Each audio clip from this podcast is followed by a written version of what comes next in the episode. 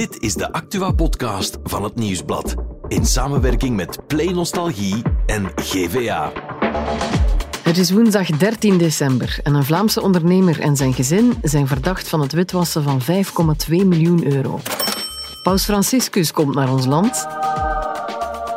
En in Plankendaal lopen twee leeuwenwelpjes rond. Maar in deze Insider hebben we het over het klimaatakkoord dat er toch is doorgeraakt. Mijn naam is Nathalie Delporte en dit is de Insider. Het is gebeurd. De klimaattop heeft vannacht een slotakkoord afgeleverd. Dat ondertekend is door alle deelnemende landen, 198.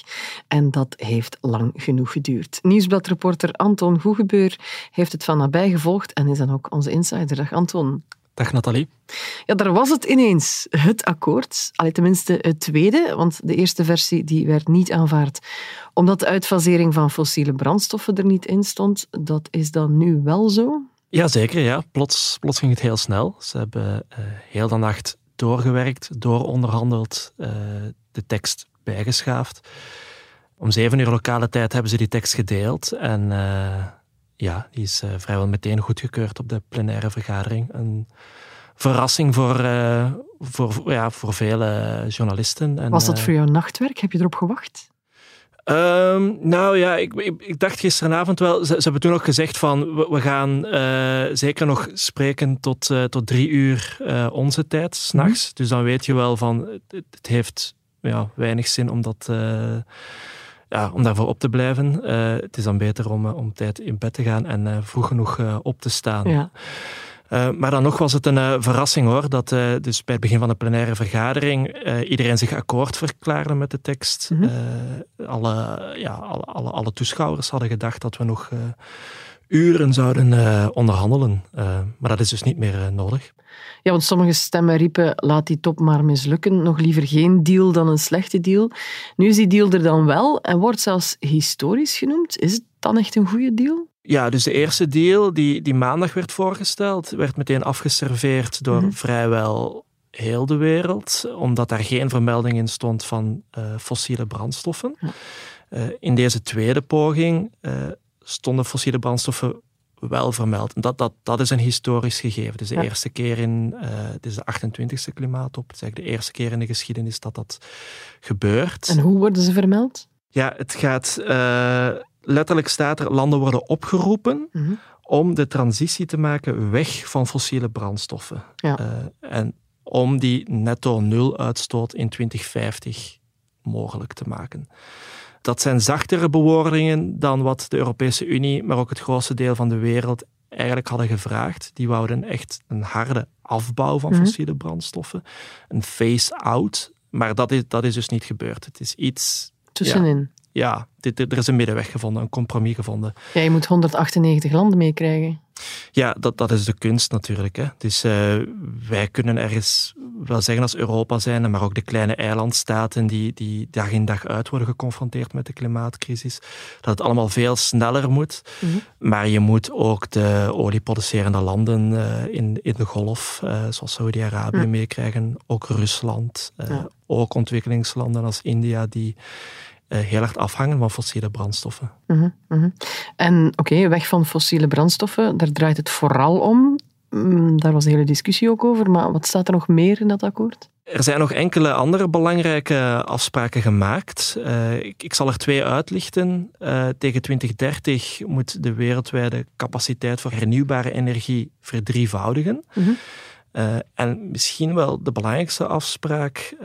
op deze klimaattop heeft eigenlijk iedereen vastgesteld dat de huidige beloftes en maatregelen die wij nemen om de uh, opwarming tegen te gaan, dat die niet volstaan. Mm -hmm. De doelstelling is anderhalve graad opwarming op zijn minst benaderen. Ja. Uh, en er is afgesproken, tegen eind volgend jaar moet, uh, moeten eigenlijk alle landen hun doelstellingen aanscherpen om, of hun beloftes aanscherpen om die doelstelling wel in het vizier te houden. Um, dat is eigenlijk misschien wel de, de belangrijkste afspraak ja, die ja. is gemaakt. I am deeply grateful for all your hard work through the nights and the early hours of the morning.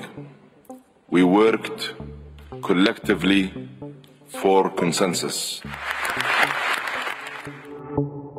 28 klimaattops zijn er al geweest en voor het eerst wordt vermeld dat we van de fossiele brandstoffen af moeten. En dat terwijl de top werd georganiseerd in de Emiraten die rijk geworden zijn door die brandstoffen. De grote dwarsliggers waren dan ook de golfstaten, zou je denken. Logisch. Hè? Er is ook al veel gezegd over voorzitter Al-Jaber, die we hier net hoorden, die met twee petten aan het hoofd van de tafel zat. Um, Anton, omschrijf die man nog eens voor ons. Ja, ik denk, denk dat het uh, de eerste keer is dat de voorzitter uh, zoveel aandacht heeft gekregen ja. uh, in, in de wereldwijde pers. Logisch natuurlijk. Ja, um, hij is dus hoofd van het staatsoliebedrijf -huh. van, van, in de Emiraten. En tegelijkertijd al een tweetal jaar geleden aangeduid als als, als de voorzitter van deze kop. Hij heeft altijd gezegd in, in zijn campagnes naar buiten toe dat hij heel ambitieuze doelstellingen nastreeft. Mm de anderhalve graad, uh, waar we het al over hebben gehad, noemt hij zijn poolster, zijn kompas. Uh, dus hij wil dat niet opgeven. En hij heeft ook wel laten vallen dat, dat, uh, dat de uitfasering van fossiele brandstoffen finale noodzaak is. Mm. Um, en daarmee ja, lijkt hij zijn eigen ruiten in te gooien. Dus dat, dat voelt ergens een beetje vreemd aan. Vooral ook omdat tegelijkertijd wel, wel ja, zaken uitlekken, notas, vergaderingen, waarin hij het heeft over uh, ja, gasdeals die hij nog wil sluiten. Um, ook wel zegt van, ja, zonder, zonder gas en olie gaan wij terug naar het stenen tijdperk. Uh, dus we kunnen niet zonder... Dat is toch speciaal, hè? Ja, dus heel de top lang was het moeilijk inschatten, ook voor uh, aanwezige NGO's. Ehm, van, is, is deze man nu te vertrouwen of, of rijdt hij uh, ja, louter voor, voor, de, voor de gas- en oliesector. Ja, en hij wou er de beste conferentie sinds Parijs van maken. Ja, inderdaad. Mm. Ja, nu, ja, hoe moet je het nu bekijken? Hebben, hebben de olielanden hun slag thuis gehaald hè, door de gematigde bewoordingen rond die fossiele brandstoffen? Dat zal ja, de toekomst uitwijzen. In aanloop naar, naar, naar deze slottekst hebben, hebben de olielanden duidelijk hun, hun hakken in het zand gezet. Saudi-Arabië zei face-out, daar gaan we echt niet over praten. Mm. Uh, zelfs vermindering wouden ze eigenlijk niet in die, in die tekst hebben. Dat is nu wel min of meer gebeurd. De voorzitter van de OPEC, de, de olieproducerende landen, uh, had nog een brief rondgestuurd, duidelijk zeggend tegen de lidstaten: teken geen ambitieus uh, slotakkoord. Topman van ExxonMobil is, is ook nog eens langs geweest om, om de belangen van, van zijn ja, petroleumbedrijf te verdedigen. Dus het is zeer de vraag hoe ernstig ze deze, dit, dit akkoord nu zullen nemen. Um, nu zeggen wel de meeste uh, analisten dat uh, ja, hun businessmodel eindigend is. Dus dat ja. dit wel ergens bevestigt van ja, de toekomst ligt niet bij olie en gas. Ja, en als je rijkdom komt van die winsten van olie en gas, ja, dan snap ik ook wel dat dat moeilijk is. Ja. Maar zijn ze dan ook niet krachtig en machtig genoeg om uh, zichzelf op andere terreinen heruit te vinden ja. en nieuwe bronnen van inkomsten te vinden?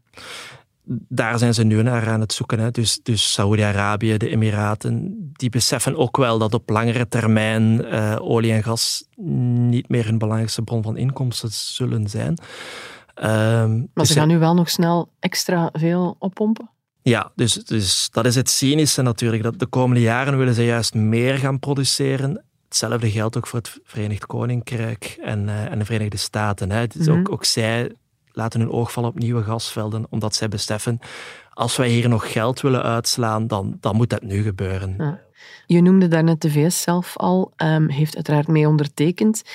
We gaan even heel hypothetisch worden. Het is niet zo hypothetisch, vrees ik. Ja, oké, okay, vrees ik dan inderdaad. Het woord vrezen is misschien eerder op zijn plaats. Oké, okay, we vrezen. Trump um, komt terug aan de macht. Hij heeft de VS ooit teruggetrokken uit het klimaatakkoord. Stel dat hij weer aan de macht komt, is hij dan echt in staat om het stopcontact uit de zonnevelden te trekken? Hij zal allicht uit het klimaatakkoord stappen. Uh, dat lijkt me wel waarschijnlijk. Veel projecten zijn wel al begonnen. Dus, um, de, dus de Amerikaanse industrie begrijpt ook wel, de, de trend is dus gezet, de bal is aan het rollen, de toekomst ligt niet bij olie en gas. Dus dat zal hij niet zomaar kunnen stopzetten. Dat, dat is economisch ook niet, niet interessant voor, voor, voor de VS. Um, VS is ook een federaal land, dus veel, veel staten zullen niet meegaan in, in, in het verhaal van het Witte Huis op dat moment. Anderzijds is het natuurlijk een heel uh, ja, slecht signaal naar de rest van de wereld toe. Van als, als de VS afhaakt, waarom zou, ja, ik noem maar wat, Rusland uh, wel nog meedoen? Mm. Uh, of Saoedi-Arabië, Irak. Ja, als de VS niet meedoet, waarom zouden zij dan die inspanningen wel leveren?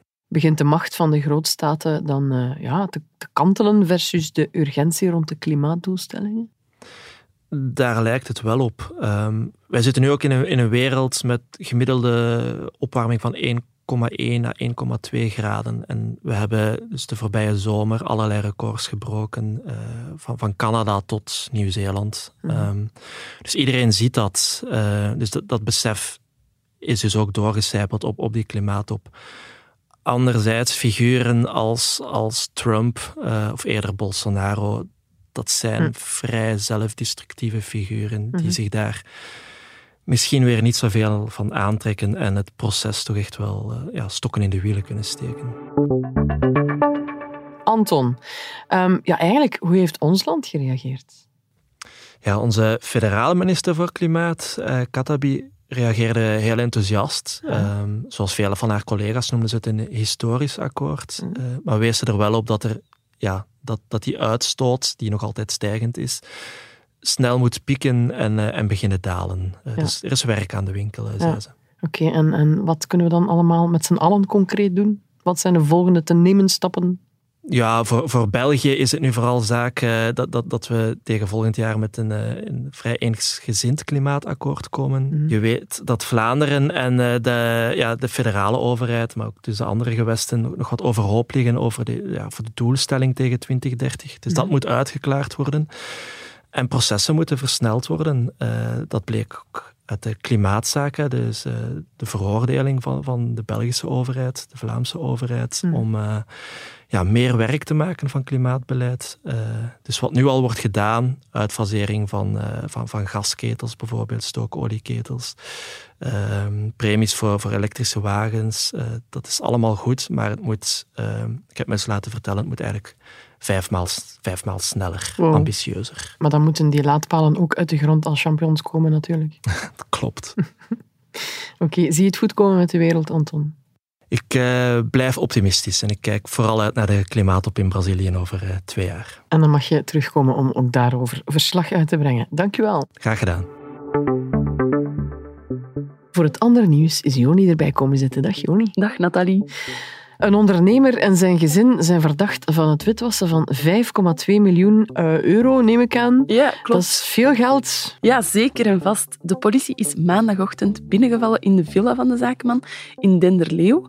En daarbij werd dus niet alleen de zakenman zelf, maar ook zijn vrouw en zijn twee volwassen dochters gearresteerd. Oei, en, en wie is die man? Het gaat om een Oost-Vlaamse ondernemer die de oprichter is van het sportkledingbedrijf Jartatie ooit al van gehoord? ik meen dat merk ooit ergens gezien te hebben. Ja, ze maken truitjes van onder andere voetbalclubs. Ja.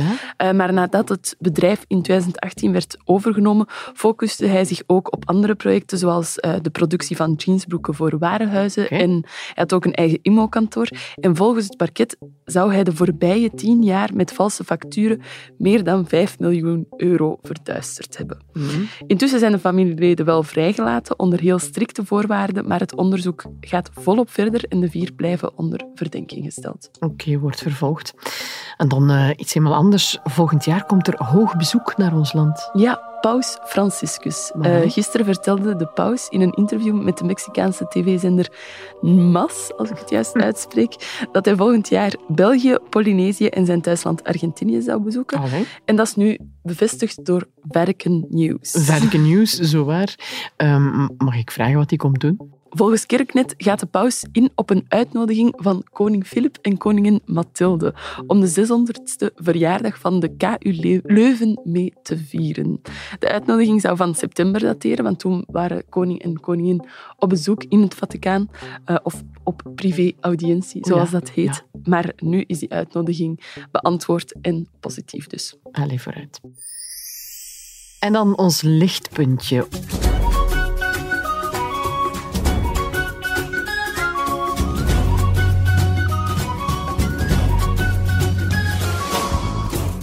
Komt dit keer uit Plankendaal, Joni. Ja, daar lopen twee super schattige welpjes rond. Ja. Leeuwenwelpjes. Uh, Lewin Lorena is begin oktober bevallen, maar dat nieuws is nu dus pas bekendgemaakt. Okay. Uh, het is het vierde nestje van moeder Lorena. In juni kreeg ze ook al een nestje, maar die welpjes uh, werden doodgebeten Oei. door hun moeder nadat ze gevaccineerd werden tegen kattenziekte. Oei, dat is minder lichtpuntje. Ja, kregen die een menselijke geur door die vaccinatie. Mm. En dacht die moeder dat die welpjes ziek waren. Oh, nee. En die wou die, ja, die diertjes uit hun lijden verlossen. Oh. En toen is dat gebeurd. Maar nu hebben ze dus wel maatregelen genomen om te voorkomen dat dat nog gebeurt. Oké. Okay. En we kunnen die welpjes, die nieuwe, al gaan bezoeken, hè? Ja, inderdaad. En het zijn echt super schattige kleine babyleeuwtjes. Je wilt die zo kunnen knuffelen, maar ja, dat is kei gevaarlijk natuurlijk. Joni gaat maar... vandaag nog naar Plankendaal.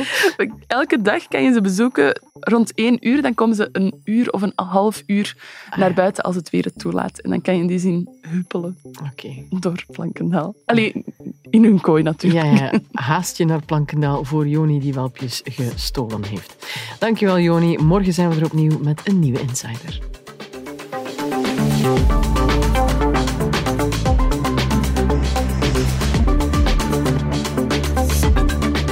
Dit was The Insider, een podcast van het Nieuwsblad in samenwerking met Play Nostalgie en GVA.